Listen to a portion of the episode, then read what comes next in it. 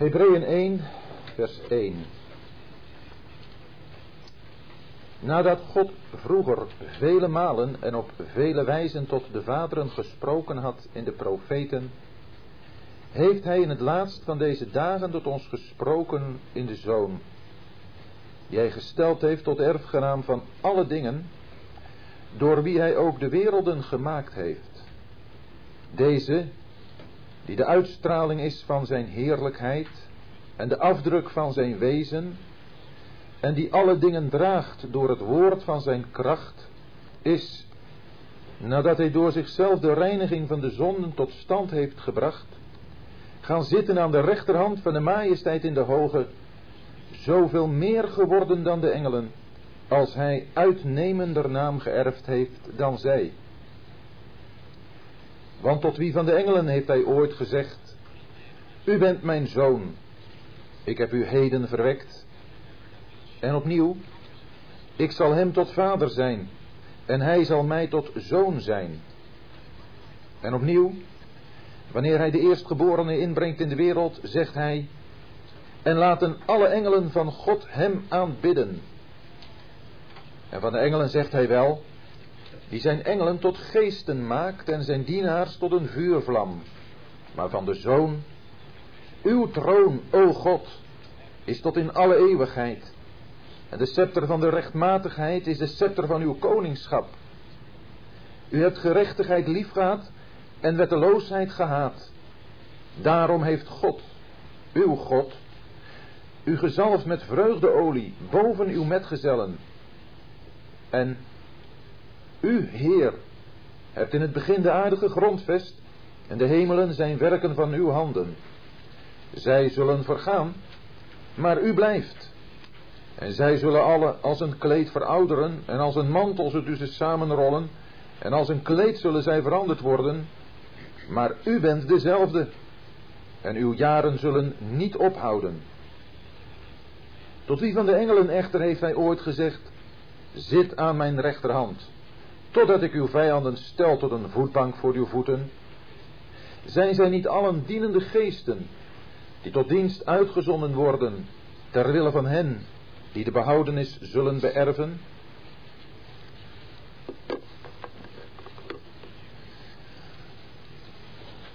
Als je dat al gewoon leest, dan kom je onder de indruk van de majesteit van de woorden die uit, uh, hieruit naar voren komen.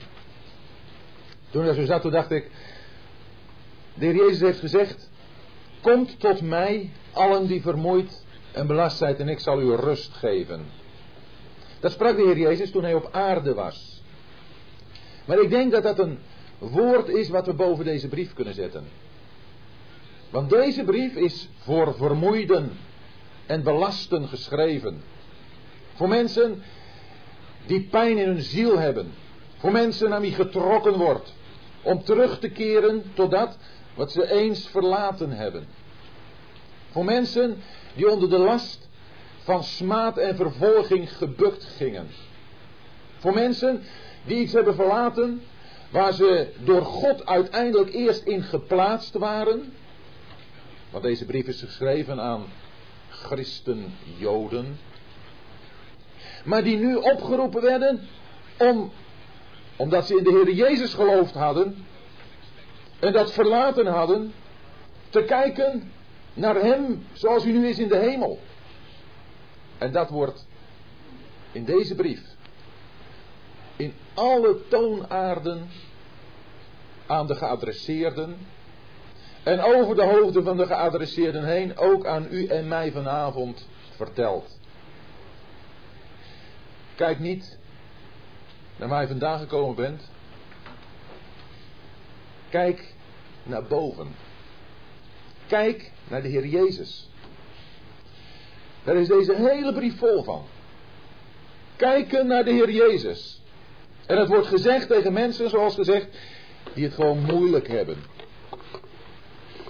We hebben in de, brief, in de, in de Bijbel natuurlijk een aantal andere brieven ook. En om een iets duidelijker beeld misschien nog te krijgen van wat deze brief ons voorstelt, kunnen we even een kleine vergelijking maken met bijvoorbeeld een brief aan de Efeziërs.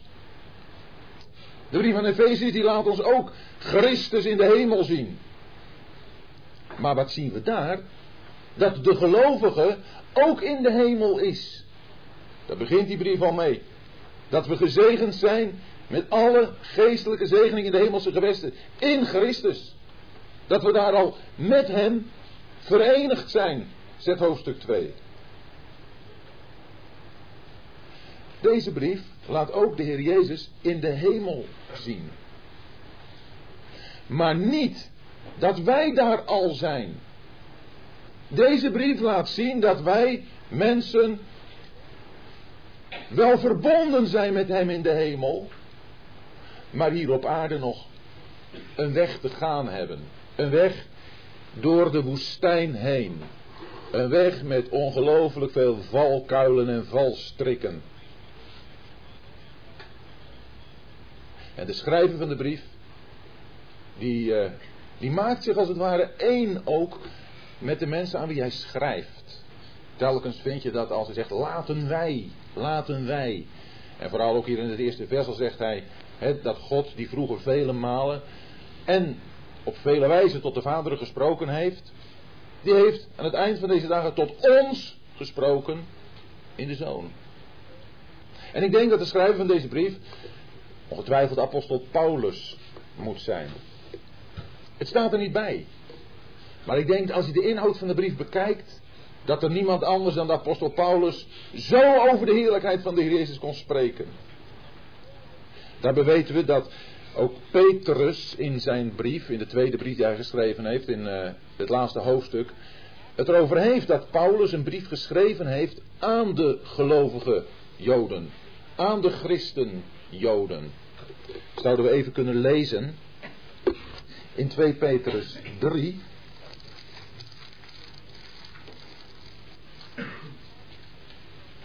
Vers 15. En houdt de langmoedigheid van onze Heer voor behoudenis, zoals ook onze geliefde broeder Paulus naar de hem gegeven wijsheid u heeft geschreven.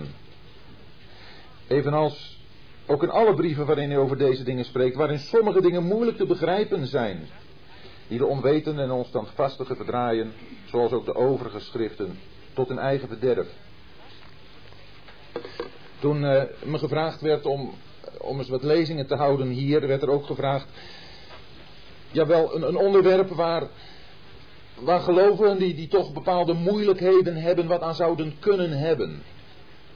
En enig overleg hebben gedacht, nou de brief van de Hebreeën, die is daar toch wel bijzonder geschikt voor. Hoewel, hoewel de brief niet altijd even eenvoudig is. Maar ik denk dat het te maken heeft met bepaalde gedeelten, misschien bepaalde versen van de brief. Maar het geheel van deze brief is zo ongelooflijk bemoedigend. Is zo ongelooflijk stimulerend. Een brief die bij uitstek geschikt is om, terwijl we dwars door allerlei problemen en moeilijkheden heen gaan, onze aandacht goed gericht te houden op het einddoel van onze reis. Onze ogen goed gericht te houden op één die ons, terwijl wij onderweg zijn, helpt. Ons nabij is. Ons ondersteunt. Ons begrijpt ook. Eén die precies weet in wat voor situatie wij ons bevinden. Niet een God heel ver weg, heel hoog verheven, die zo eens een klein beetje kijkt naar al dat gedoe hier op aarde en dat geploeter van ja, zijn kinderen. Nee, een God die betrokken is bij onze diepste roerselen. Een God die betrokken is bij onze grootste worstelingen. Een God die ons begrijpt en lief heeft en helpt. Een God die zich geopenbaard heeft in de Heer Jezus Christus. Deze brief ik zei, het is geschreven aan gelovigen die uit het Jodendom komen. Deze gelovige Joden, deze christen-Joden, ze waren vertrouwd met alles wat God in het Oude Testament gegeven had. Ze hadden een prachtige eredienst, hadden ze van God gekregen. Allerlei inzettingen en voorschriften. Ze wisten precies hoe ze God moesten dienen. Tot op de letter was het ingevuld. Nou, hoe het gegaan is, als u een klein beetje bekend bent met het Oude Testament, dan weet u dat de Joden daar geen hout van terecht hebben gebracht. Uiteindelijk hebben ze de afgoden zijn ze gaan dienen. En tenslotte hebben ze, toen God op aarde kwam, in Christus, de Heer Jezus, verworpen. Weg met hem. En deze brief sluit aan bij het hele denken en beleven van deze mensen. Die brief sluit daarbij aan, zeg ik, omdat vers 1 zegt dat God vroeger vele malen en op vele wijzen tot de vaderen gesproken heeft door de profeten. Hiermee val je met de deur in huis. Zonder enige inleiding gaat de schrijver van deze brief iets vertellen over het vroeger, over het nu en over de Heer Jezus. Dat vind je ook bijvoorbeeld in de eerste brief van Johannes. Die valt ook zo met de deur in huis. Wat van het begin af was. Wat we gehoord hebben. Wat we gezien hebben. Wat onze handen betast hebben betreffende het woord van het leven. Helemaal geen aanloop. Direct hem. Om wie het gaat. Hier ook. Geen aanloop. Behalve dan een aansluiting met dat vroeger. God. Die heeft vroeger. Op veel, uh, uh, vele malen. Heeft God gesproken. Steeds weer heeft hij zijn profeten gestuurd. Om dat hardnekkige volk. Wat hij zo lief had. En wat zo dwaalziek was weer naar hem toe terug te brengen. Keer op keer. Vroeg op zijnde, lees je ergens in Kroniek aan het eind. Vroeg op zijnde en zendende heeft God zijn, zijn profeten gestuurd. En God heeft ook op een heleboel manieren gesproken. God heeft gesproken waarschuwend, vermanend, lerend. God heeft gesproken in dromen, in visioenen. God heeft gesproken door wonderen en tekenen. God heeft alles eraan gedaan. Alles geprobeerd om dat volk, wat steeds maar van hem wegweek, bij zich te trekken.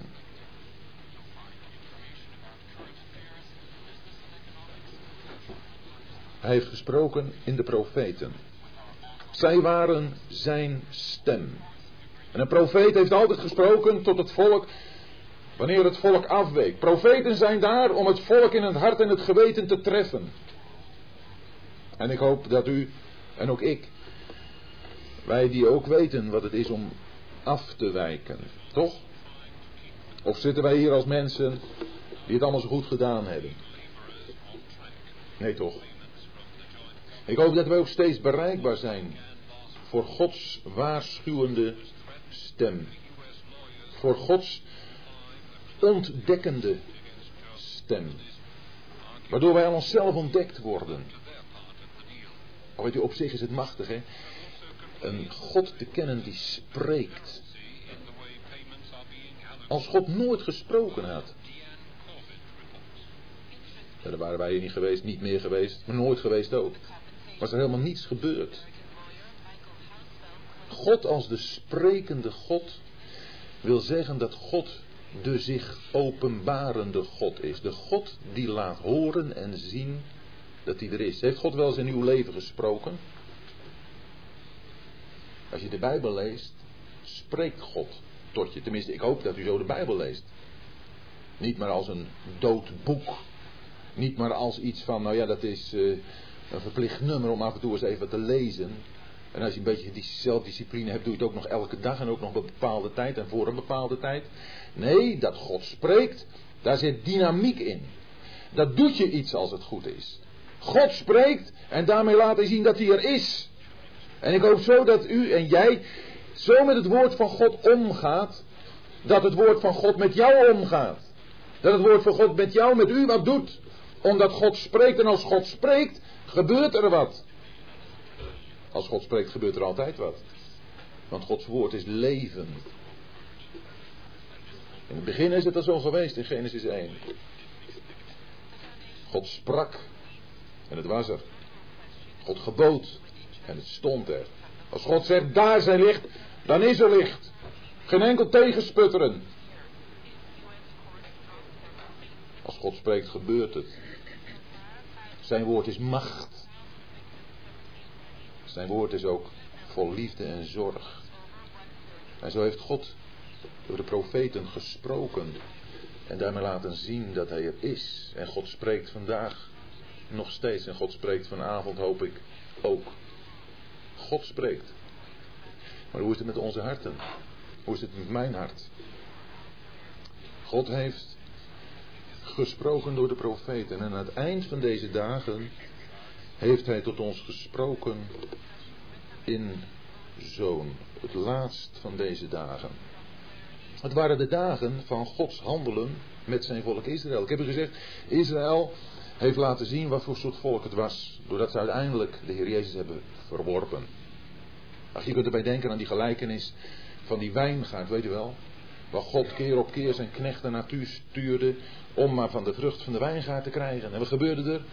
Ach, de een die namen ze en die sloegen ze en de ander die stenigden ze. En Ten slotte zei God, ik zal mijn zoon zenden, die zullen ze ontzien.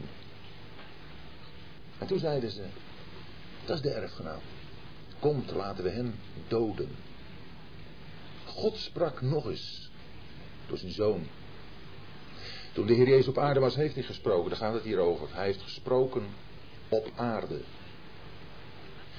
Maar God sprak niet op dezelfde manier zoals hij dat in de profeten deed. Want de profeten, dat waren mensen die, ja, toen ze Gods woord spraken, spraken ze ook inderdaad Gods woord. Maar verder waren het gewone mensen van alle dag die ook hun fouten hadden en hun falen kenden. Maar toen de Heer Jezus kwam, toen was het anders. Toen kwam daar God zelf. God, de Zoon, kwam. Het laatst van de dagen. Het was Gods laatste mogelijkheid om te kijken of dat volk dat hij zo lief had, dat hij zoveel beloofd had, of dat volk uiteindelijk dan, als hij zijn zoon zou sturen,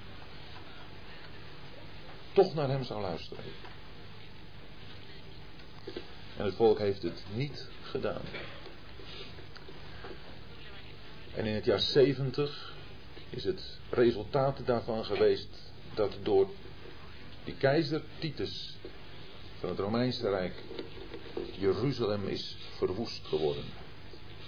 Maar tot dat moment heeft God die hele godsdienst nog verdragen. En tot dat moment kunnen we vanuit gaan dat in Jeruzalem in de tempel de godsdienst van de vaderen nog werd vervuld. En deze gelovige Joden hier, die in de Heer Jezus geloofd hebben, die hebben daar met hun ongelovige volksgenoten nog die tempel bezocht. Alleen, zij hebben dat gedaan met het oog op Hem in wie ze geloofd hadden.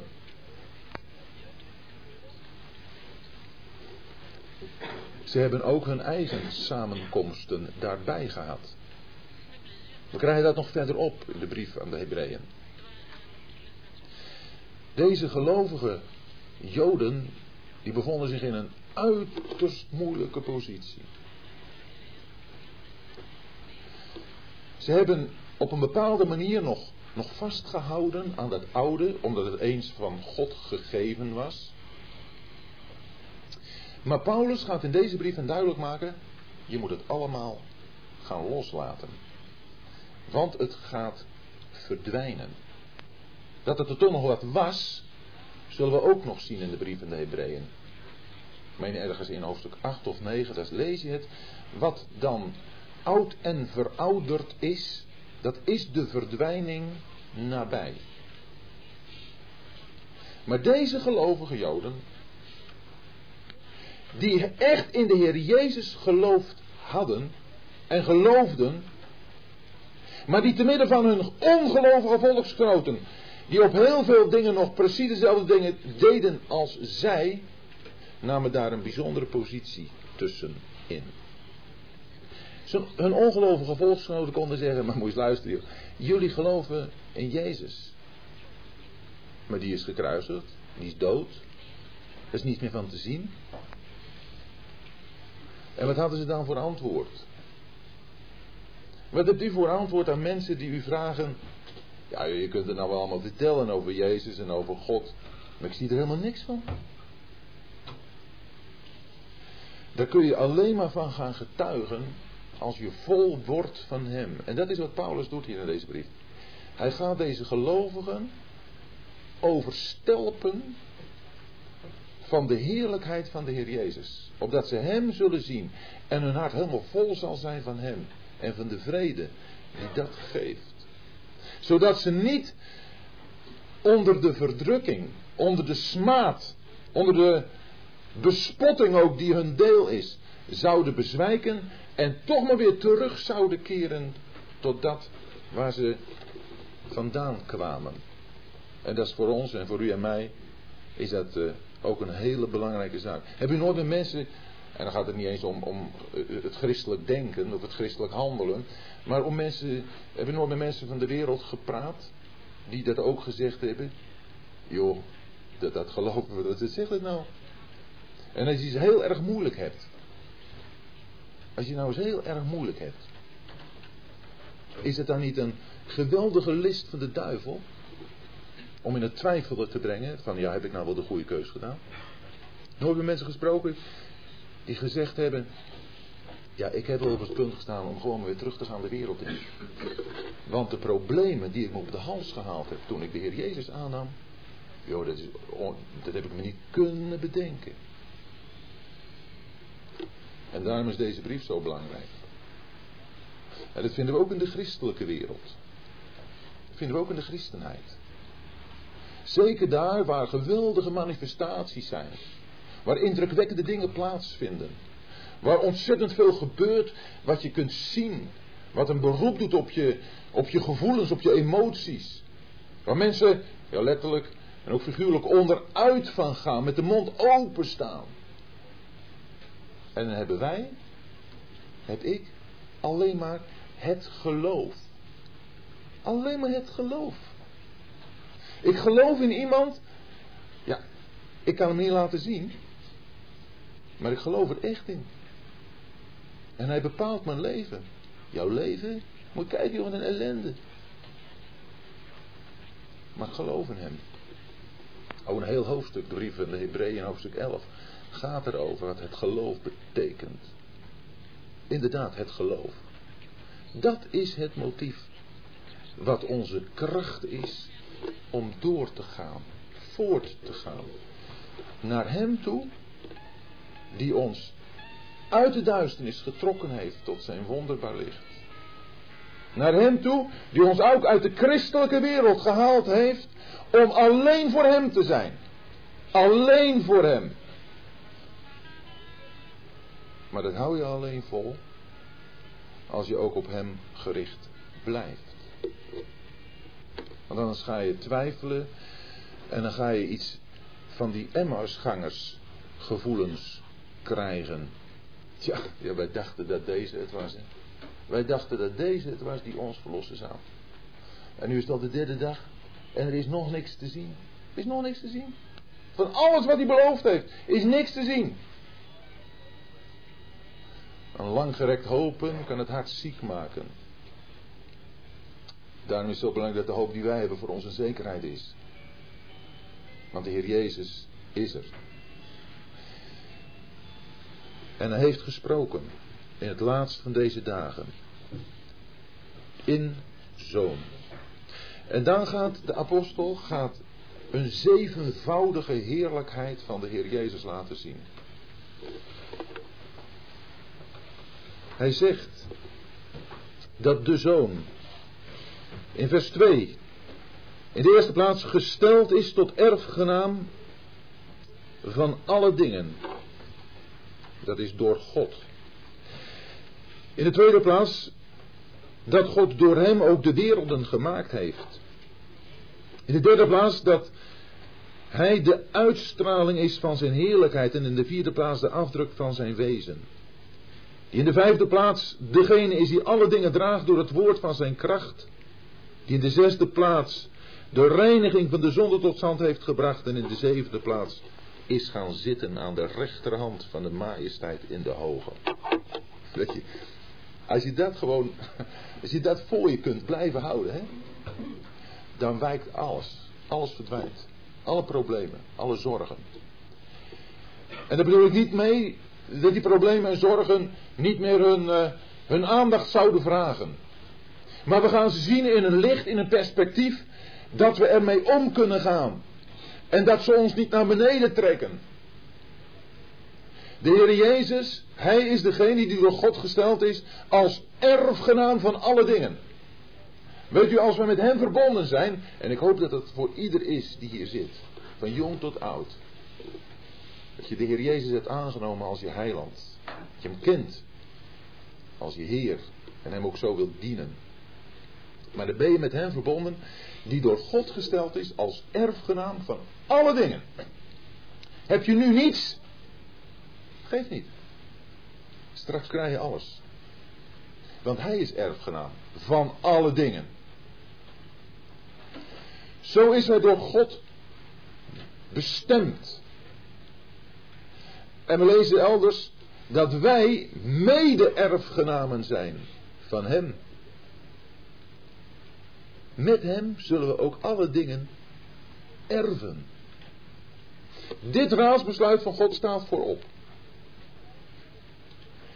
En het is ook door hem, dat is de tweede heerlijkheid, dat God alles heeft geschapen. Door wie hij ook de werelden gemaakt heeft. Welke werelden? De mensenwereld, de engelenwereld, de sterrenwereld. Het hele heelal, met alles wat zich daarin bevindt, is uit hem voortgekomen. Zonder hem is niet één ding geworden dat geworden is. Wat, wat zit u nog? Zegt Paulus tegen die gelovigen. Aan wie is wat, wat zit je nog over dat, dat gedoe daar hier op aarde? Over die problemen die er kunnen zijn. Over alles wat je kwijtgeraakt bent. Wat je achter je gelaten hebt. Wat zit je daar nog over in? Heeft het nog enige aantrekkingskracht? Kijk naar voren. Kijk naar boven. Kijk naar de Heer Jezus. Die de erfgenaam is van alle dingen. En die dingen waarvan hij erfgenaam is, heeft hij allemaal geschapen. We zullen straks met hem over de wereld regeren. Ja, is het realiteit of niet? We geloven de Bijbel, nietwaar? Dat is voor ons nog niet een, een verhaaltjesboek. Is toch echt? En is het waar dat we met hem alle dingen zullen beërven. Maar je hebt er alleen wat aan als je het echt voor je hart aanvaardt. En je aanvaardt het pas met je hart als je het verbindt met Hem, die het centrum is van al Gods plannen en gedachten. En dat jij weet, dat u weet, met Hem ben ik verbonden. Ik ben dan wel op aarde, en ik moet nog een weg gaan. Maar we zullen straks in de brief aan de Hebreeën nog zien, in hoofdstuk 12. Dat hij die weg ons is voorgegaan. Er is niemand hier die een weg gaat die hij niet kent. Daarom is het zo belangrijk dat we hem kennen. Hij die de erfgenaam is van alle dingen. Hij door wie God alles heeft geschapen. Hij die de uitstraling is van zijn heerlijkheid. De uitstraling van Gods heerlijkheid is de Heer Jezus. Een straal, een zonnestraal, zonnestralen betekenen dat de zon er is. Er zijn geen zonnestralen los van de zon. En die zonnestralen die, die overladen ons, die overgieten ons. Door Hem, door de Heer Jezus, zien we de uitstraling van de heerlijkheid van God. Al Gods voortreffelijkheden zijn door Hem zichtbaar geworden. Hij is maar niet de afspiegeling ervan. Het is niet een spiegel die iets weer kaatst. Maar hij die zelf in verbinding met de bron staat, die straalt dat uit. In het begin was het woord en het woord was bij God. Stralen, de uitstraling van de heerlijkheid van God betekent dat hij in verbinding staat met de bron, met de zon zelf. Maar er is nog meer. En dat is dat hij de afdruk is van Gods wezen.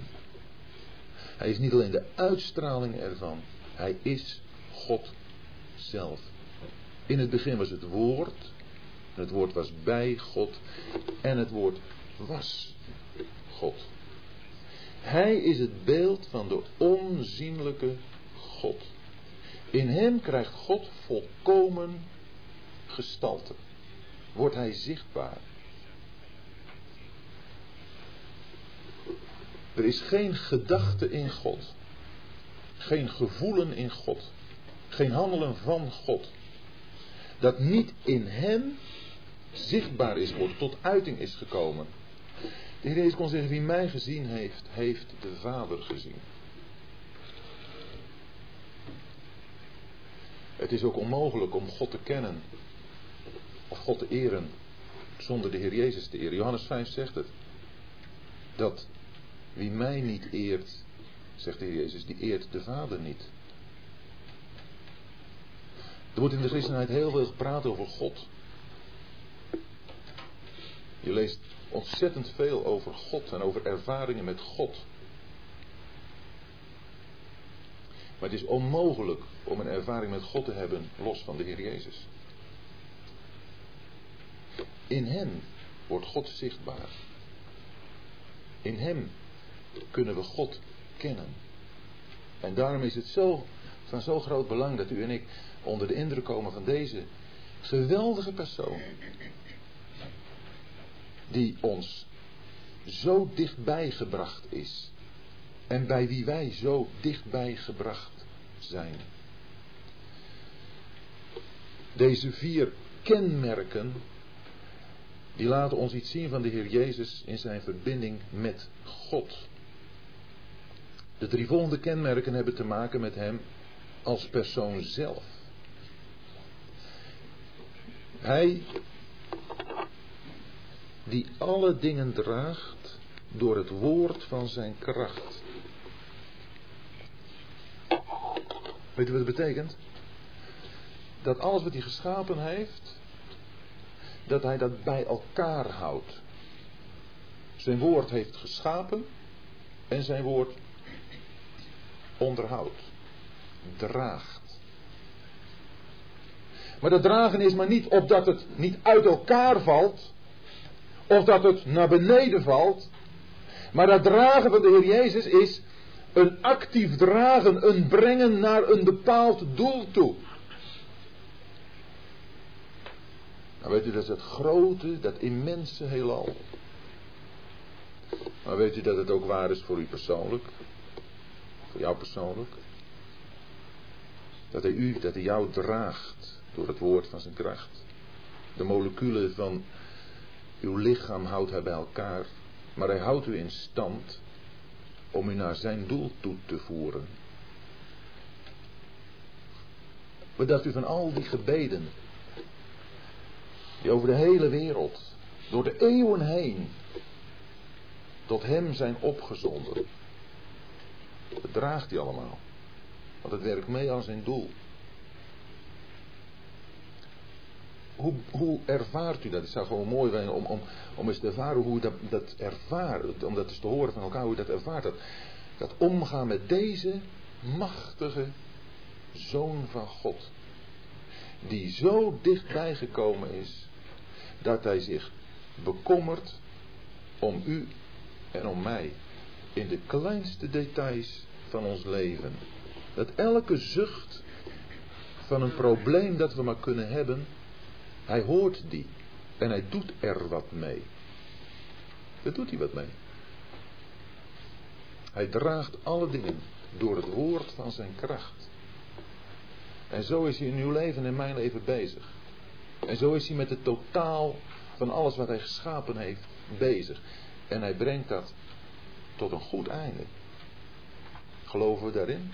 Dat brengt het tot een goed einde. Wij zien op dit moment misschien nog ongelooflijk veel problemen, hindernissen.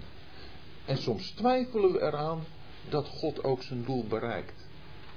Daarom dat Paulus hier, los eigenlijk van een mens, de heerlijkheid stel, voorstelt van hem die dat doet. En ook als er vervolgens staat, die door zichzelf de reiniging van de zonden tot stand heeft gebracht, dan staat er nog niet eens bij dat het om onze zonden gaat. Het gaat niet om onze zonden, het gaat om een probleem wat in de wereld gekomen is en waardoor het zou lijken dat God niet zijn doel bereikt. De zonde is in de wereld gekomen door de ongehoorzaamheid van de mens. En het leek erop dat de duivel al die plannen van God zou verstoren. Maar toen kwam de Heer Jezus. En toen heeft Johannes al gezegd: Zie het lam van God dat de zonde van de wereld wegneemt. Hij heeft die reiniging tot stand gebracht. Hij heeft die zonden weggenomen.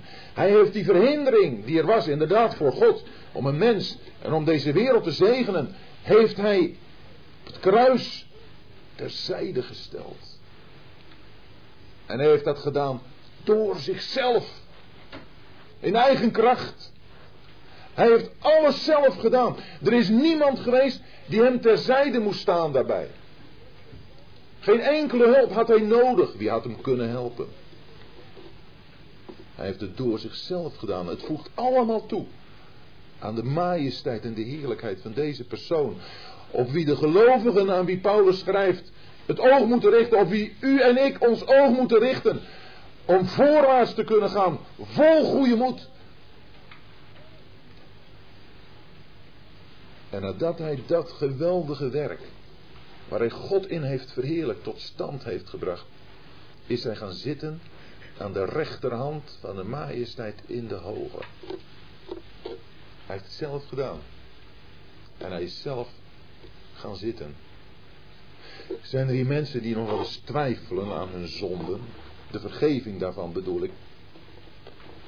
Die eraan twijfelen of, of God toch wel echt hun zonden vergeven heeft. Er is niet een duidelijker aanwijzing om te weten dat God de zonden van een ieder die in de zoon gelooft vergeeft, dan te zien naar de plaats die de zoon nu inneemt. Want waar de zoon nu zit, daar heeft hij niets meer van zonden met zonden te doen. Maar daar kon hij ook alleen gaan zitten nadat hij de reiniging van de zonde tot stand had gebracht. Niet eerder. Hij heeft die plaats gekregen van God. Maar hier gaat het erom dat hij daar is gaan zitten. Zelf, rechtens had hij die plaats, kon hij die opeisen. Hier zien wij de heerlijkheid van de Heer Jezus. Die die plaats aan de rechterhand van de majesteit in de hoge heeft ingenomen. Zoveel meer geworden dan de engelen, als hij uitnemender naam geërfd heeft dan zij. De engelen hadden in het uh, Joodse bestel, in de godsdienst, van de, de Joden een bijzondere plaats. Door middel van hen had God aan zijn volk de wet gegeven. U aan wie door bemiddeling van engelen de wet is gegeven. Engelen, daar zagen de Joden bijzonder tegenop. Er was een soort engelenverering. En engelen die gaan in macht en kracht en heerlijkheid ook een mens verre te boven. Als we in hoofdstuk 2 lezen dat de Heer Jezus voor een korte tijd beneden de engelen gesteld is, dan is dat vanwege het lijden van de dood. Want uiteindelijk was hij natuurlijk ook hun schepper. Maar engelen, hoe geweldig indrukwekkend voor eh, de Joden, ook voor de gelovige Joden, de Messias gelovige Joden. Hoe indrukwekkend die engelen ook waren, de zoon gaat er verre bovenuit. Hij heeft een zoveel uitnemender naam geërfd dan zij. Hij is zoveel meer geworden dan de engelen. Zoveel meer geworden. Met andere woorden, hij neemt daarmee een plaats in die hij eerder nog niet had. Ik zei u, hij is een schepper. Hij is de eeuwige zoon. Hij is altijd ver boven de engelen verheven geweest. Alles is door hem geschapen. Ook de engelen zijn zijn schepselen. Maar hij is zoveel meer geworden dan de engelen. Omdat hij dat is geworden als mens. Engelen zijn boven mensen. Maar in de mens Christus Jezus, die, die God verheerlijkt heeft, die alles gedaan heeft om God te eren, in de mens Christus Jezus is er een mens gekomen boven de engelen. En daarmee zijn u en ik ook boven de engelen gekomen. We zullen dat zien aan het eind van het hoofdstuk. Dat de engelen zijn dienende geesten die uitgezonden worden ten dienste van hen die de behoudenis zullen beërven. Ze zijn onze dienstknechten geworden. Ongelooflijk. Maar de Heer Jezus staat daarboven. En heeft zoveel uitnemender naam geërfd dan zij. Dat is de naam Jezus. Die naam komt hier, uh, de brief van de Hebreeën, een aantal, malen voor. En het is altijd de naam die duidt op zijn vernedering hier op aarde. En, en als we dan denken aan Filippi 2, waar we eerst lezen over zijn geweldige vernedering. Dat hij Terwijl hij God was, die het geen roof hoefde te achter God gelijk te zijn. Dat hij zichzelf vernederd heeft. En dat hij hier op aarde geweest is en onder de mensen zelfs de laagste plaats heeft ingenomen. En dat hij gehoorzaam is geworden tot de dood, ja tot de dood van het kruis. Dat je dan leest. Daarom heeft God hem gegeven een naam die is boven alle naam. Opdat in de naam van Jezus zich zou buigen alle knie van hen die in de hemel en die op de aarde en die onder de aarde zijn. En alle tong zou beleiden dat Jezus Christus Heer is. Tot heerlijkheid van God de Vader. Ja, wat, wat moet je nog meer? Wat moet je nog meer? Bewijzen. Deze gelovige Joden, die konden naar bewijzen vragen. En zeggen, Paulus, het is prima wat je er allemaal zegt. En, en we vinden het ook heel mooi. Maar wij zijn wel vertrouwd met de schriften van God. Kun je daar ook iets uit aantonen dat dat zo ligt zoals je dat zegt? Ja, zegt Paulus, dat kan ik. En in de volgende verse, vanaf hoofdstuk, uh, vanaf vers 5 tot en met vers 14, vinden we opnieuw een zevental en dit keer zeven aanhalingen uit het Oude Testament. En die aanhalingen uit het Oude Testament, die dienen er allemaal toe. En het, het is haast een climax die daarin uh, naar voren komt. Die dienen er allemaal toe om te ondersteunen, om te bewijzen en om te bevestigen dat de Heer Jezus inderdaad veel hoger is dan de engelen. Dat Hij God is. Ja, dat Hij de God van het verbond van zijn volk is, de Yahweh, de eeuwig zijnde. En weet u, daar moeten wij ook altijd naar terug, naar de schrift. Altijd terug naar de schrift. Lezen wat er staat. En zo alleen daardoor overtuigd worden. En natuurlijk is Hebreeën 1 vers 1 tot en met 4 voor ons de schrift. En hebben wij in dat opzicht de bewijzen niet nodig. Maar ze staan er wel. Ook om ons te leren Bijbel lezen. Heel eenvoudig te leren Bijbel lezen. Want die aanhalingen uit het Oude Testament, die zeven stuks, die laten ons allemaal iets zien van de Heer Jezus. En zo moeten wij leren de Bijbel te lezen. En ons af te vragen, wat vertelt het ons van de Heer Jezus? Waarin kan ik de Heer Jezus zien? En ik denk dat het u best vaak zo gegaan is als het mij ook vaak gegaan is en gaat. Dat je het kunt lezen, maar dat je over een heleboel dingen heen leest. En dat er dan, als er dus iemand zegt, moet je dat nog eens lezen en heb je dat toen gezien? Nee, prachtig zeg, wat mooi. Nooit eerder gezien. En zo moeten wij leren de Bijbel lezen. En dat wordt ons hier aangegeven, aangereikt. In alle liefde. Dat we zo de Bijbel gaan lezen. Er zijn talloze mensen die verbaasd staan. Als je bijvoorbeeld die gelijkenis van de barmhartige Samaritaan, als je die uitlegt in verbinding met de Heer Jezus. Ik heb het zo vaak gehoord. Dat ze zeggen, dat je die geschiedenis zo kunt lezen. En eigenlijk, het is de enige betekenis van die geschiedenis. Het gaat er over de Heer Jezus. En zo gaat het op talloze plaatsen. En als u en ik er al ietsje meer van mogen begrijpen, van de manier waarop we de Bijbel kunnen lezen, dan hoeven we ons daarop niet te beroemen, want de Bijbel is Gods woord. En Gods woord betekent oneindig in betekenis. Want wie zal ooit God ten volle kunnen begrijpen? Niemand.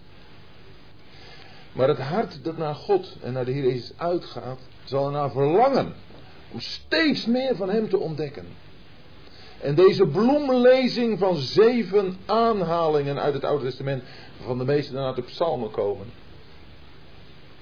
die is daarvan een bewijs. En geeft daarmee tegelijk ook een aansporing. En ik hoop dat u, dat jij zo ook het Oude Testament gaat lezen. De brief van de Hebreeën in zijn totaliteit is een schitterend commentaar. Een schitterende uitlegging van de hele oud-testamentische geschiedenis en eredienst. Wat we hierin gaan ontdekken, broeders en jonge mensen. Ja, dat is adembenemend. Als je je hart daarvoor openstelt. Zou Paulus die, of Petrus zei, sommige dingen zijn moeilijk te verstaan. Nou, er zullen er misschien best wel eens wat moeilijke dingen in voorkomen.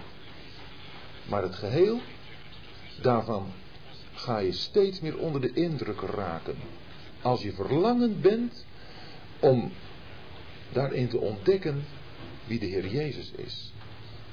Waarvan het grootste gedeelte van deze brief over hem spreekt als de hoge priester. Als degene die ons ondersteunt en draagt. Want dat is de taak van de hoge priester. En dat kan niet een hoge priester zijn die ons ja, zoveel boven de pet gaat, dingen vertelt die we helemaal niet kunnen begrijpen. Nee, een hoge priester die heel dicht bij ons komt. Dat is een hoge priester die naast ons komt. Dat is een hoge priester, ja, die zijn arm om ons heen slaat. En die zegt, joh, ik weet precies wat er in je omgaat. Ik weet het. En die geweldige hoge priester, daarvan gaat Paulus nu aantonen dat hij de zoon van God is. En dat gaat hij doen door een vergelijking te maken tussen die hoog.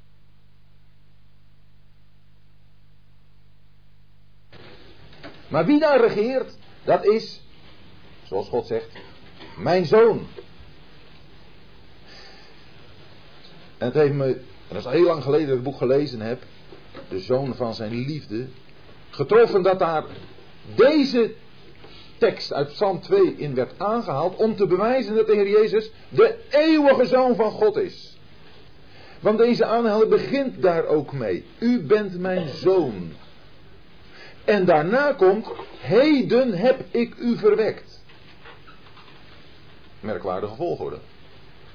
Als wij zouden zeggen, uh, je bent mijn zoon, dan is dat omdat ik je verwekt heb. Ja toch? Ik heb u verwekt. U bent mijn zoon. Maar hier staat, U bent mijn zoon. Heden heb ik u verwekt. En hierin vinden we dat. En dat is niet te begrijpen, dat kan ik ook niet uitleggen.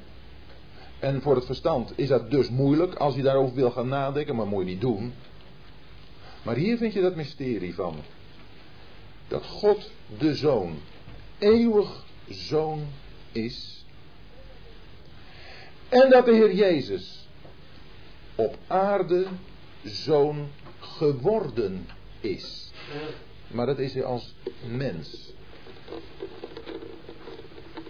En als wij Lucas 1, vers 35 lezen, dan lezen we daar dat tot Maria gezegd wordt: Daarom, want de Heilige Geest zal over u komen, daarom zal ook dat Heilige dat uit u geboren zal worden, Gods Zoon genoemd worden.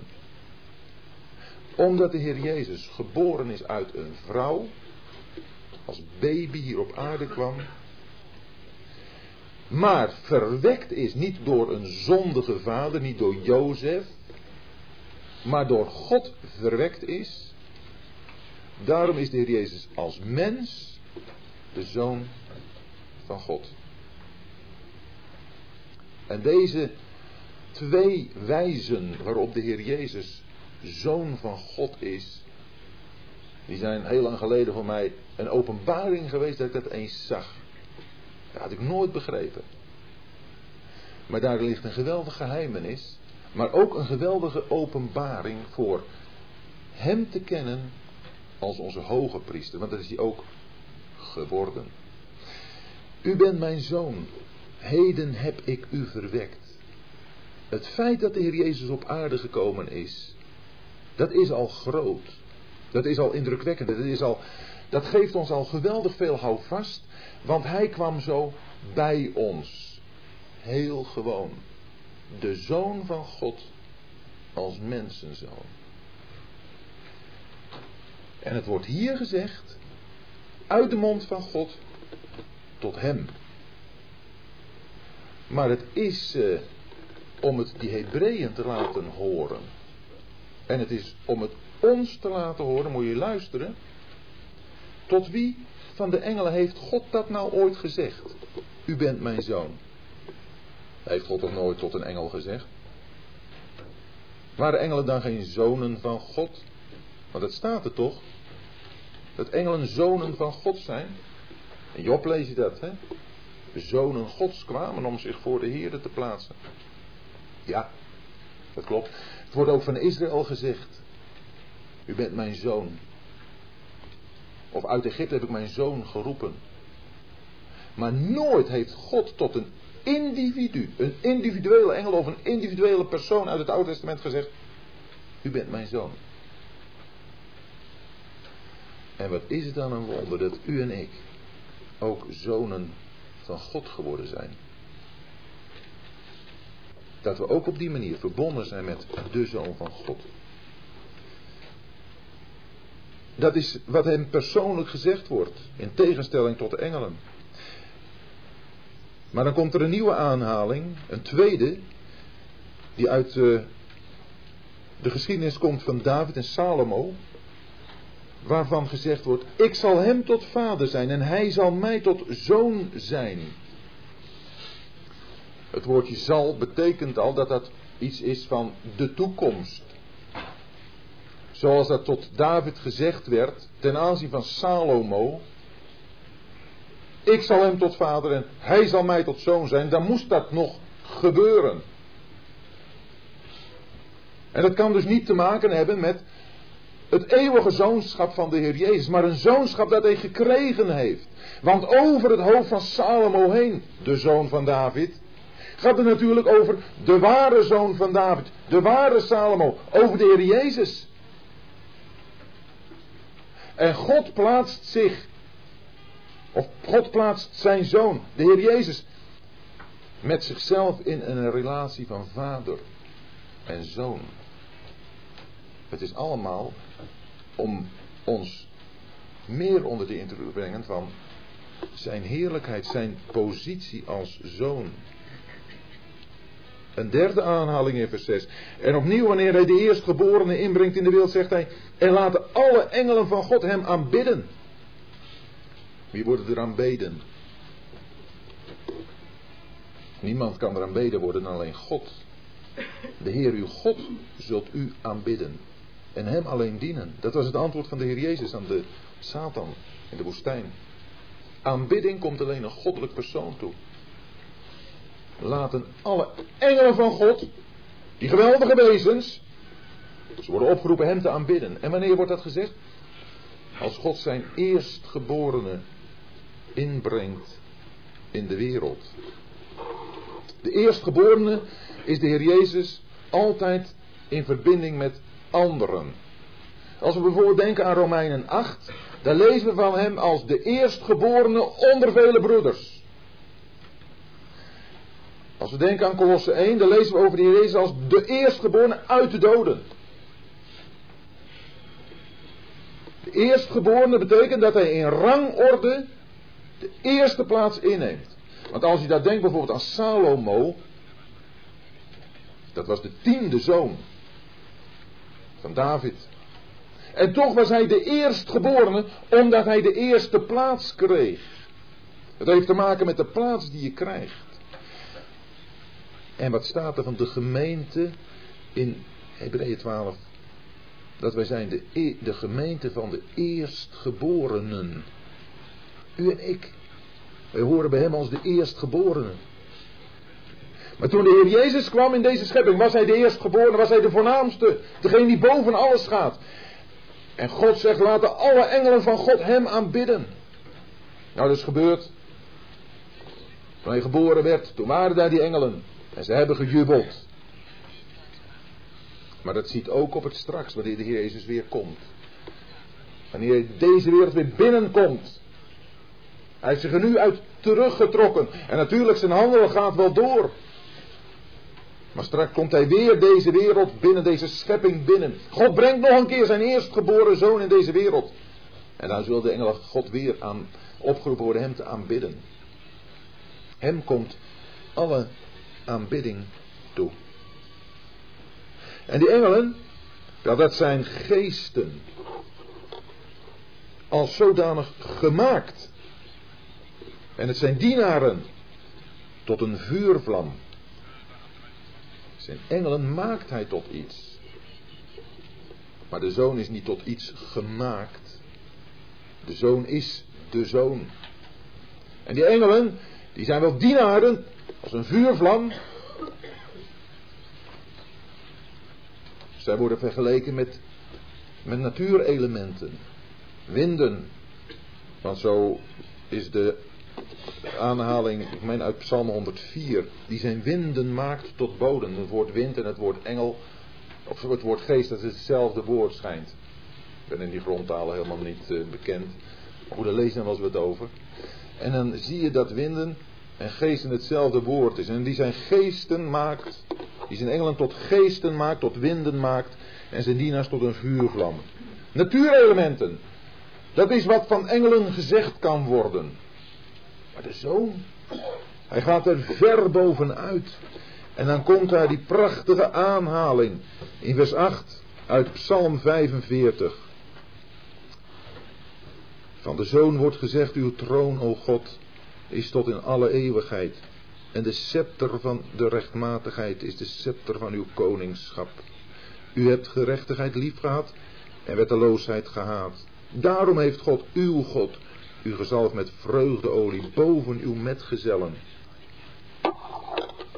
Als je Psalm 45 leest, dan zie je ook weer de, de heerlijkheid van de Heer Jezus. Als die koning die komt, maar die tegelijkertijd ook God genoemd wordt. Daarom heeft God, uw God, u gezalfd met vreugdeolie. Waarom? Omdat hij want dit verwijst naar zijn leven op aarde. Gerechtigheid heeft liefgehad en met de loosheid heeft gehaat.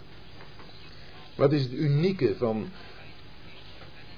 van hoe de Heer Jezus hier op aarde geweest is? Dat is dat hij volkomen God heeft vertegenwoordigd. God heeft laten zien In zijn liefde van gerechtigheid en in zijn haat van wetteloosheid. Dat heeft de Heer Jezus laten zien. En daarom heeft hij met alles wat daarmee in strijd was, niets te doen gehad. En daarom heeft God hem lief gehad. Want hier zag God een mens. Op wie niet van toepassing is wat je leest in Romeinen 3. Dat er geen rechtvaardige is. Dat er niemand is die goed doet. Allen zijn ze afgeweken. Tezamen onnut geworden. Er is niemand die God zoekt. Er is er zelfs niet één. Totdat hij kwam. Totdat hij hier op aarde leefde. Daar was hij die gerechtigheid lief had en wetteloosheid haatte. En God heeft hem gezalfd met vreugdeolie, boven zijn medegenoten. Weet u hoe hij dit ziet? Als je daar bij de Jordaan staat. Als je daar te midden van die tallozen die daar tot de doop van Johannes gekomen zijn, de Heer Jezus ziet komen. Die ook gedoopt wil worden. Die zich daarbij zijn metgezellen voegt. Maar dat was naar zijn hart. Het was een vreugde voor hem om zich bij die mensen te voegen. Die met berouw over hun zonden tot Johannes kwamen om door hem gedoopt te worden onder beleidenis van hun zonden. En de Heer Jezus kwam daar. Maar dan gaat de hemel boven hem open. En dan komt de stem van de Vader. Deze is mijn geliefde zoon. Zo leest het in een van de evangeliën. En in een andere evangelie lees je. Gij zijt mijn geliefde zoon. In u heb ik wel behagen gevonden. En dan komt de Heilige Geest als een duif uit de hemel. En die blijft op hem. Gezalfd met vreugdeolie. Boven uw metgezellen. Deze unieke persoon gaat zoveel te boven. En hij, hij heeft dan ook een troon die tot in alle eeuwigheid is.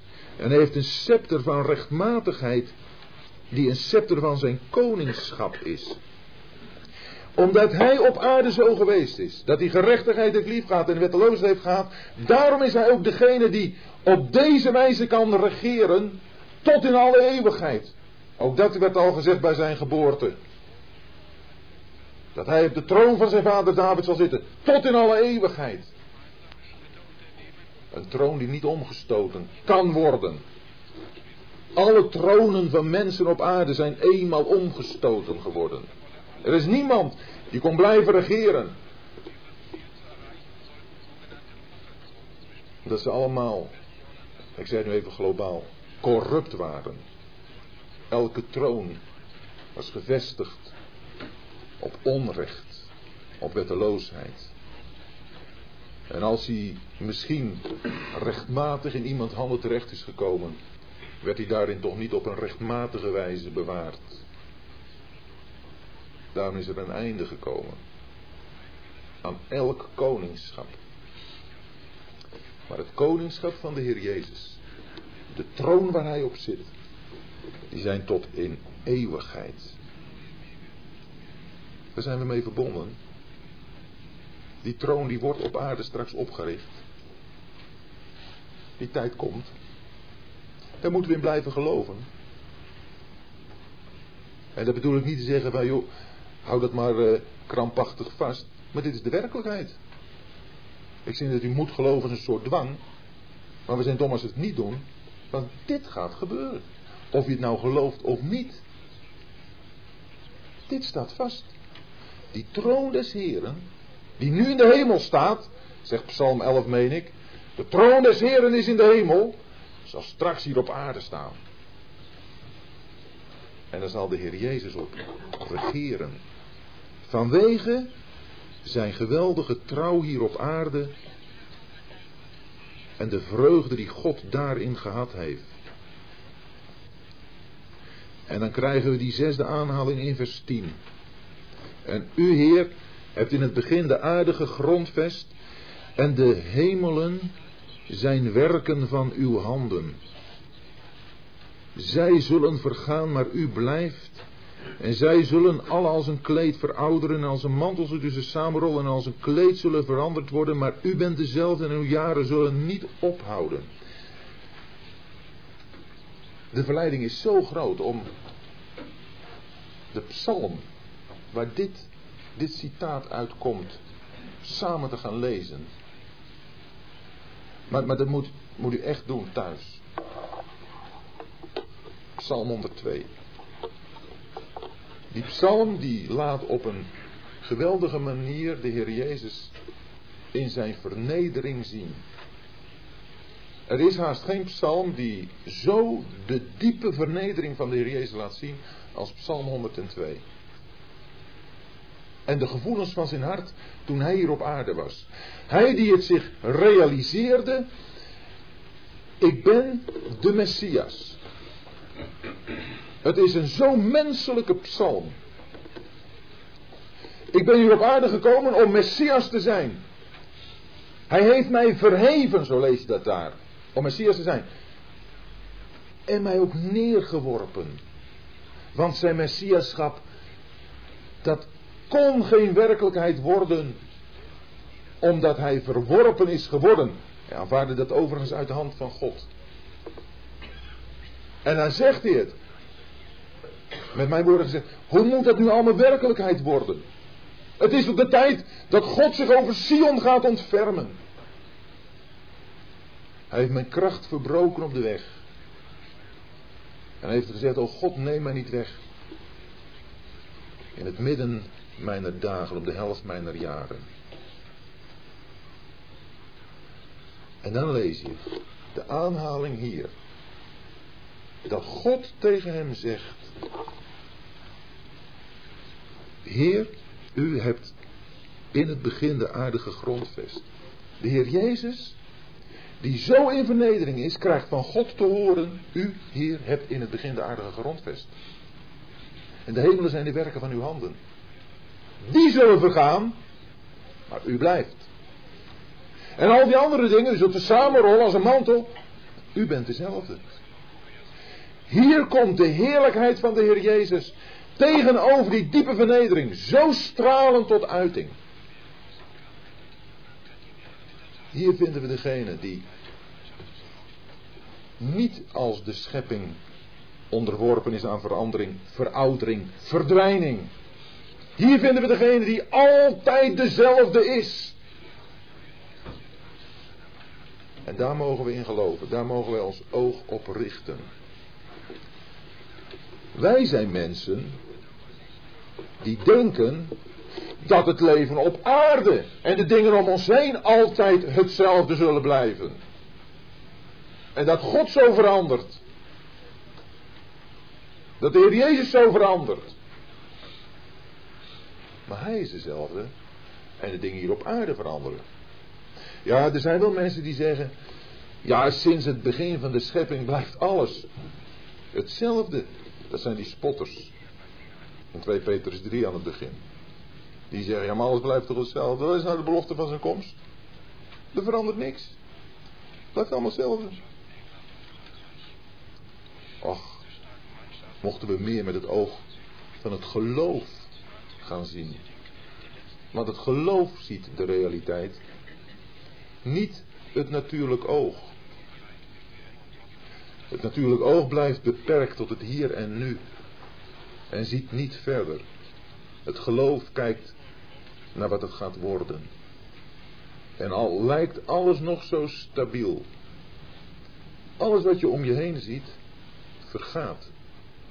God zal daar zijn hand inzetten. God die gaat dat allemaal als een mantel samen. De Heer Jezus doet dat. Maar dan gaat het hier om. Zij zullen als een kleed verouderen en als een mantel zullen ze samenrollen. En als een kleed zullen ze veranderd worden. Je ziet het gemak waarmee God dat doet. Hè? Een mantel samenrollen, dat is helemaal geen probleem. En zo is voor God ook met deze wereld totaal geen probleem. Dat verandert hij allemaal zomaar. Maar u bent dezelfde en uw jaren zullen niet ophouden. Kijk, als wij dat nu maar eens echt zouden aanvaarden. Zoals Paulus dat hier deze Hebreeën aanreikt. En ook ons aanreikt. Gelooft u dan niet dat het leven toch een stukje ja, gemakkelijker, ik, het, het, klinkt wat gemakkelijker, maar toch dat het leven echt zinvol wordt. Dat het leven glans krijgt. Dat het leven de moeite waard wordt. De moeite waard.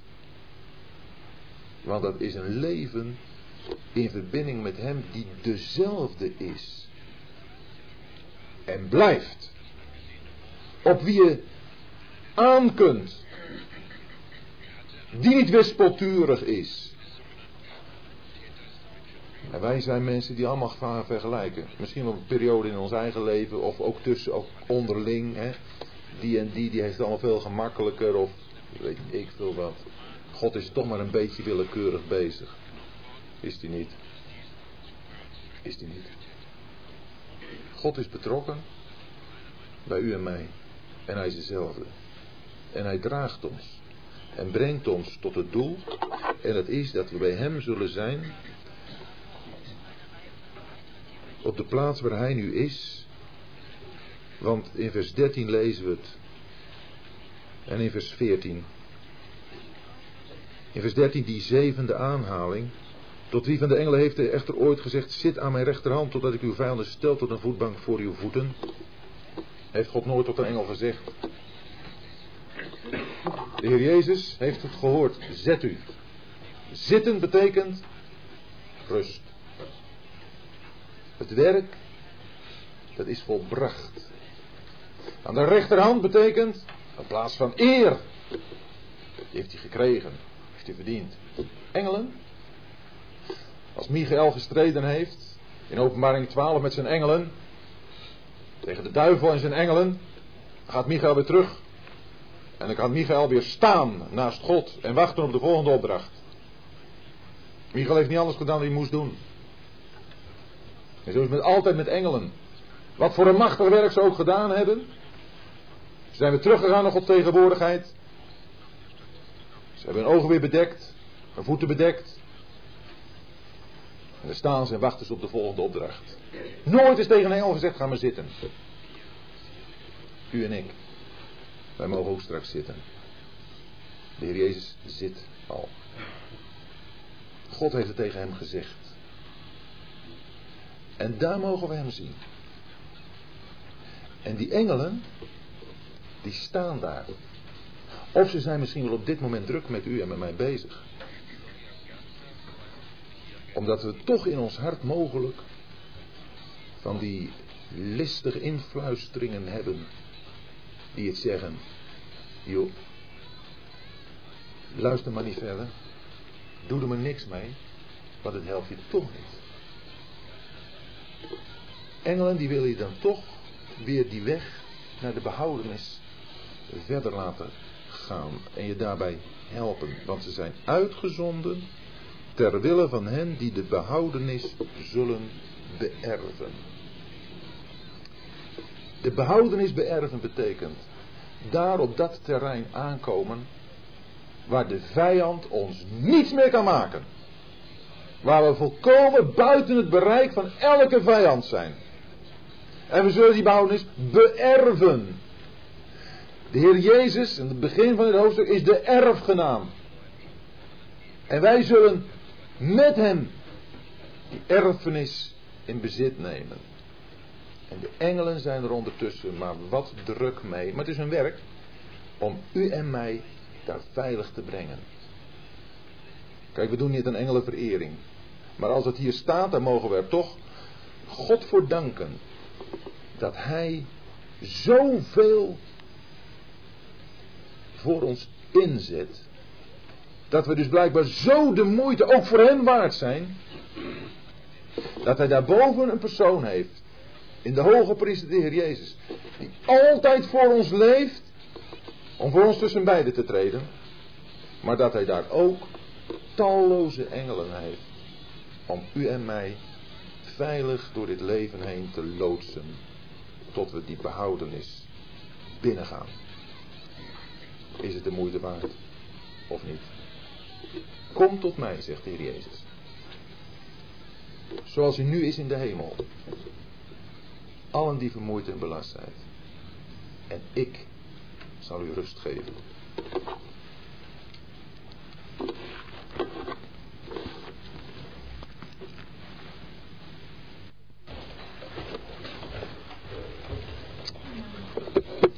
Ik zal ze op volgorde van binnenkomst behandelen. Houden deze laatste dagen, in vers 1 van hoofdstuk 1, ook het einde van de wet in als de Messias wordt aangekondigd? Mag je deze laatste dagen ook vrij toepassen op de tijd waarin wij nu leven? Jezaja 2 vers 2. Even met Jezaja 2 vers 2 beginnen. En het zal misschien in het laatste der dagen, dan zal de berg van het huis des Heren vaststaan. Die uitdrukking in het laatste dagen, Jezaja 2 vers 2.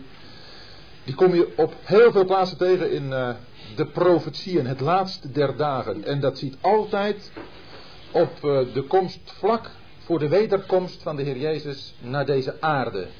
Als de gemeente is opgenomen. Dus uh, ik denk niet dat dat in, in die zin met elkaar te maken heeft. Maar dat de uitdrukking het laatst der dagen in Hebreeën 1 echt te maken heeft met Gods ja, laatste bemoeienissen met zijn volk. Dat wil zeggen dat hij het nog verdraagt. Bij de verwerping van de Heer Jezus heeft God de verbinding met zijn volk moeten verbreken. Toch lees je in het boek Handelingen in de eerste hoofdstukken dat God nog probeert, als het ware, door middel van toespraken van Petrus, om dat volk alsnog tot één keer te brengen.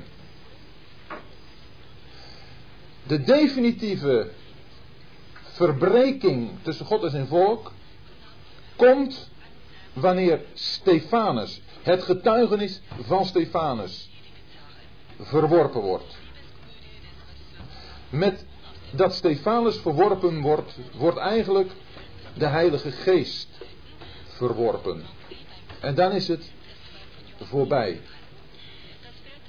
Dan verdraagt God in een soort overgangsperiode tot uiteindelijk in het jaar 70 Jeruzalem en de tempel worden verwoest, verdraagt God nog een aantal handelingen.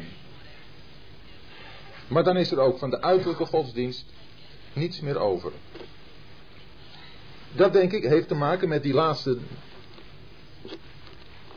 Hoe staat het in Hebreeën 1 ook alweer? Met het laatst van deze dagen. Maar nu, en zo begint de vraag, houden deze laatste dagen in vers 1 van hoofdstuk 1 ook het einde van de wet in? Als de Messias wordt aangekondigd. Nu weet ik niet, er staat een vraagteken die is weer doorgekrast. Uh, als we in Galaten 3 lezen.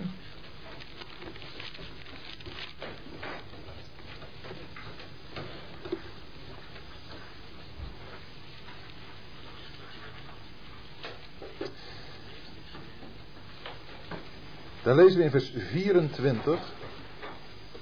Nee, vers 23. Galaten 3, vers 23.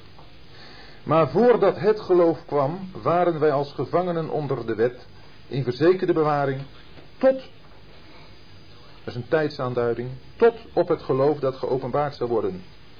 De wet is dus onze tuchtmeester geweest, tot, dat is een tijdsaanduiding, niet een richtingaangeving naar.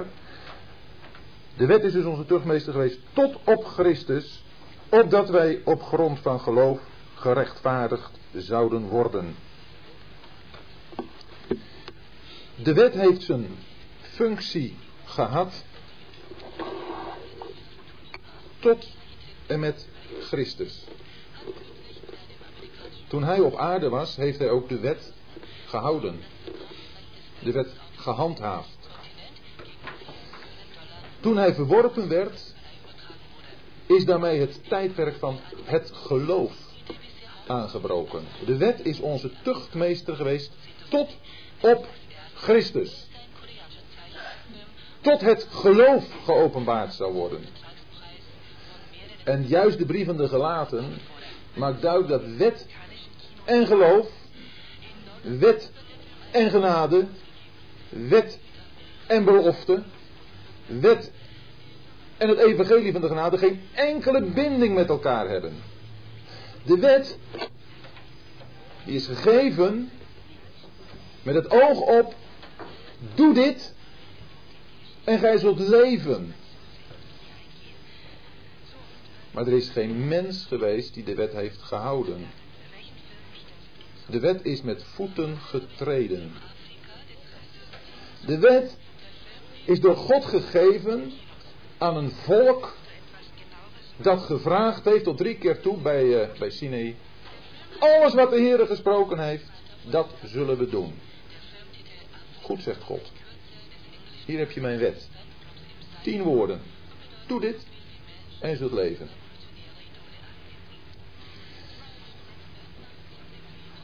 En juist de komst van de Heer Jezus heeft bewezen dat de wet niet werd gehouden.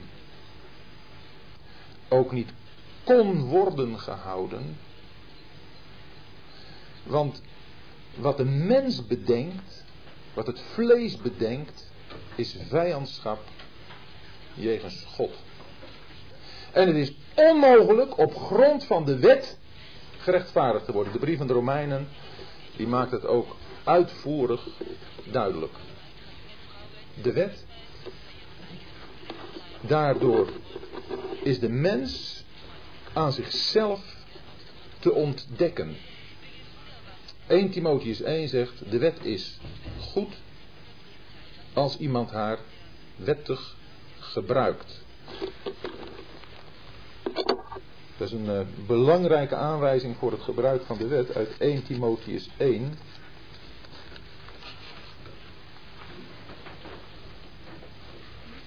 ...1 Timotheus 1 vers 8...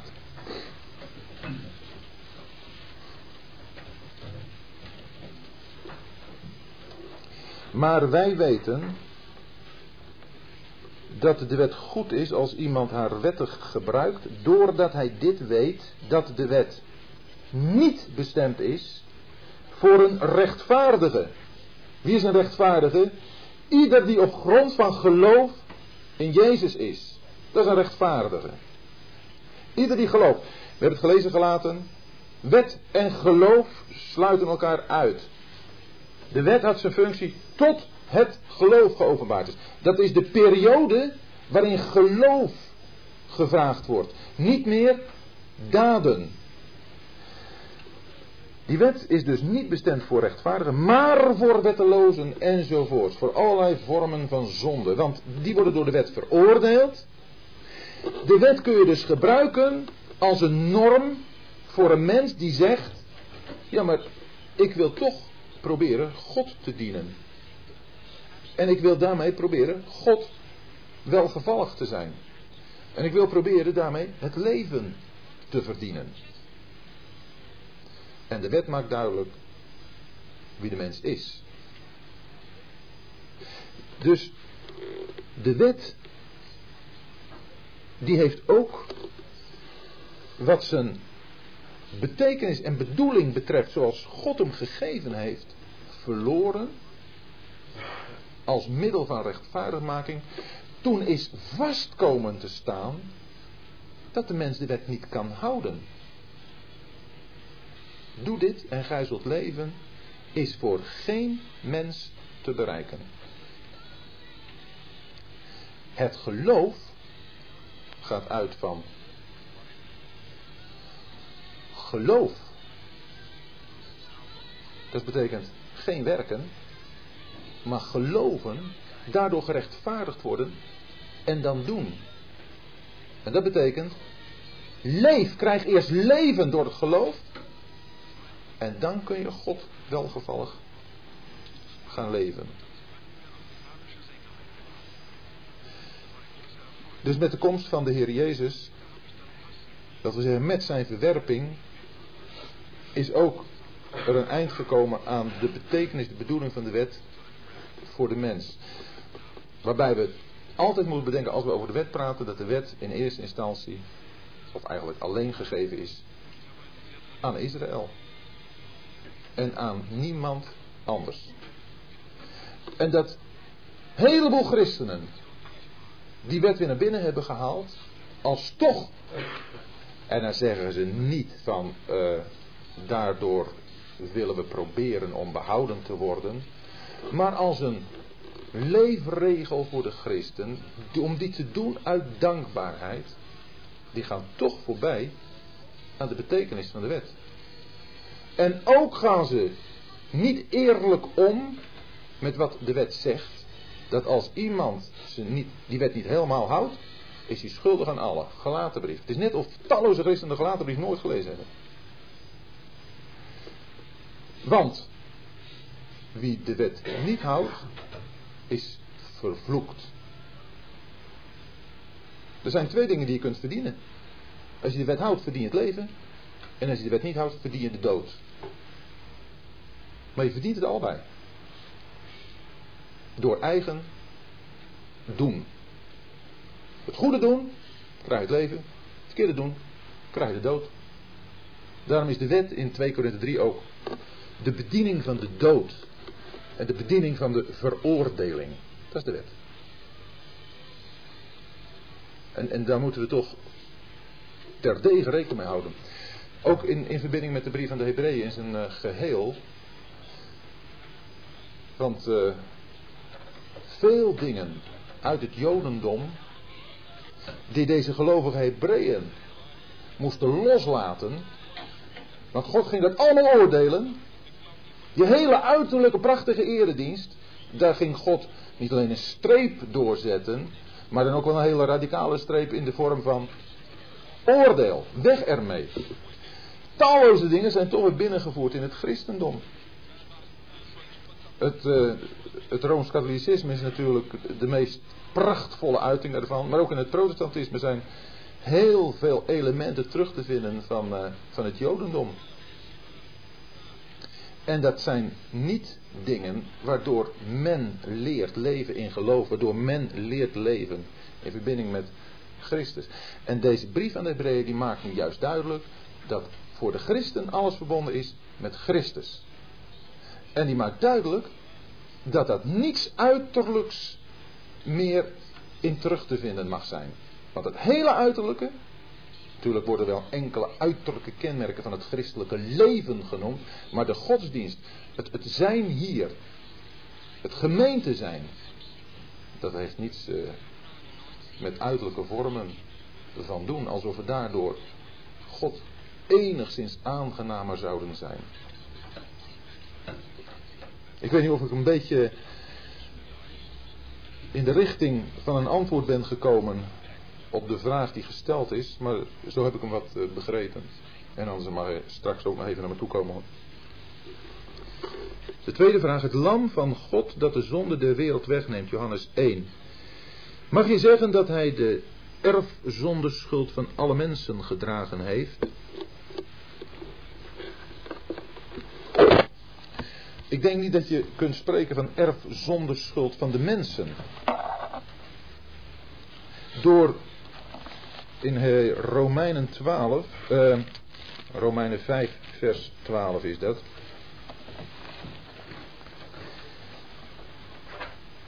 Lezen we dat door één mens de zonde in de wereld is gekomen. En door de zonde de dood. En zo de dood is doorgegaan tot alle mensen doordat allen gezondigd hebben. Uh, het is zo inderdaad dat door de mens de zonde, en zoals het hier staat, de erfzonde in de wereld gekomen is. Maar ik denk niet dat dat te maken heeft met schuld. Dat hier twee begrippen aan elkaar worden gekoppeld, die mijns inziens niet bij elkaar horen. Natuurlijk is het de schuld van Adam dat de zonde in de wereld gekomen is. Maar als ik aan schuld denk, en zover ik de Bijbel daarover ken, heb ik te maken met mijn daden. Als ik denk aan de zonde, dan heb ik te maken met de macht. Zoals die in de wereld gekomen is en van waaruit de zonden, de schulden voortkomen. Als ik denk aan schuld en aan schuldige daden, aan zonden, dan uh, lees ik in de brief aan de Romeinen in de eerste vijf hoofdstukken tot en met eh, 5 vers 11 dat de oplossing daarvoor is het bloed van de Heer Jezus. Het bloed van de Heer Jezus, daar worden mijn zonden door weggewassen. Maar de zonde of de erfzonde, daarover lees ik vanaf Romeinen 5 vers 12 en lees ik in Romeinen 6 dat daar niet vergeving voor nodig is, dat daar geen bloed voor gestort is, maar, dat die geoordeeld is. De zonde, zegt Romeinen 8, is in het vlees geoordeeld. God heeft de bron, de erfzonde, geoordeeld in Christus. Christus is tot zonde gemaakt. Als was hij de oorsprong ervan. Maar hij heeft ook, en dat is 2 eh, Korintiërs 5 dan, vers 21, hem die geen zonde gekend heeft, heeft God voor ons tot zonde gemaakt. Maar hij heeft ook mijn zonden en de zonden van allen die in hem geloven op zich genomen. 1 Petrus 2, die zelf onze zonden gedragen heeft in zijn lichaam op het hout. Door de macht van de zonde ligt deze wereld onder de vloek. En het is juist de macht van de zonde die met Johannes 1, vers 29 te maken heeft. Als daar staat dat Johannes zegt: Zie het lam van God dat de zonde van de wereld wegneemt. Dan neemt hij niet alleen maar de schuld weg van mensen die in hem geloven, maar neemt hij ook de macht als zodanig weg. Waardoor ook de hele schepping vrij wordt.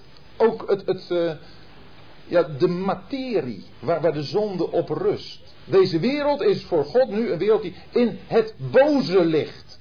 Niet alleen maar omdat er boze mensen zijn die zonden doen, maar, maar er is een macht aanwezig die ook moet worden weggenomen. Die niet zozeer met schuld te maken heeft, maar met de aanwezigheid van de zonde. En dat denk ik ook dat in Hebreeën 1 stond, en misschien dat uh, onze broeder daardoor op die vraag gekomen is die de reiniging van de zonden tot stand heeft gebracht. Wat? En dat heb ik inderdaad verbonden met Johannes 1, vers 29. Maar Johannes 1, vers 29 gaat nog iets verder dan, dan die reiniging van de zonden. Maar het gaat om de macht van de zonde. En ik heb voor mezelf een keer veel gehad aan een voorbeeldje, een beetje een luguber voorbeeldje. Maar eh, wat gezegd werd, als hier iemand naar binnen komt met een machinegeweer en maait ons allemaal neer. Zijn we allemaal dood? En als nou een paar dagen later iemand, en, en goed, uh, alles wordt verder weer opgeruimd, iemand komt hier later binnen, dan is daar niets meer te zien. Alles is schoongemaakt. En toch heeft dit zaaltje dan een bepaalde sfeer die moord uitademt. Hier is iets vreselijks gebeurd. Terwijl uiterlijk niets meer daaraan herinnert. En zo is met deze wereld ook. Zelfs al zouden alle zonden vergeven zijn, al zouden alle mensen weg zijn, dan is daar nog iets hier in deze wereld. Daar rust nog iets op deze wereld. En deze wereld rust nog in iets wat ook moet worden gedaan. Want deze wereld is voor God het toneel waar zijn zoon werd vermoord. En dat moet ook worden weggedaan waar de zonde gekomen is. Waar alles ingebed is in de zonde. En waar alles gebeurd is in opstand tegen hem. En dat moet worden weggedaan. Dus ik denk dat als we praten over de erfzonde, de zonde als macht wordt weggedaan. In principe is weggedaan door wat de Heer Jezus gedaan heeft op het kruis. Toen hij tot de zonde werd gemaakt en daar geoordeeld werd. En dat onze schuld, de schuld van allen die hem geloven, is weggedaan. Doordat hij zijn bloed heeft gestort. Want zonder bloedstorting is er geen vergeving. Het bloed van de Heer Jezus, dat reinigt van alle zonden. Zonde. Doet alles weg. Dat bedekt alles. Maar er is ook een oordeel. En dat heeft te maken met de macht van de zonde. Dat wordt geoordeeld. Ik hoop dat het een beetje verduidelijkend is wat betreft deze vraag.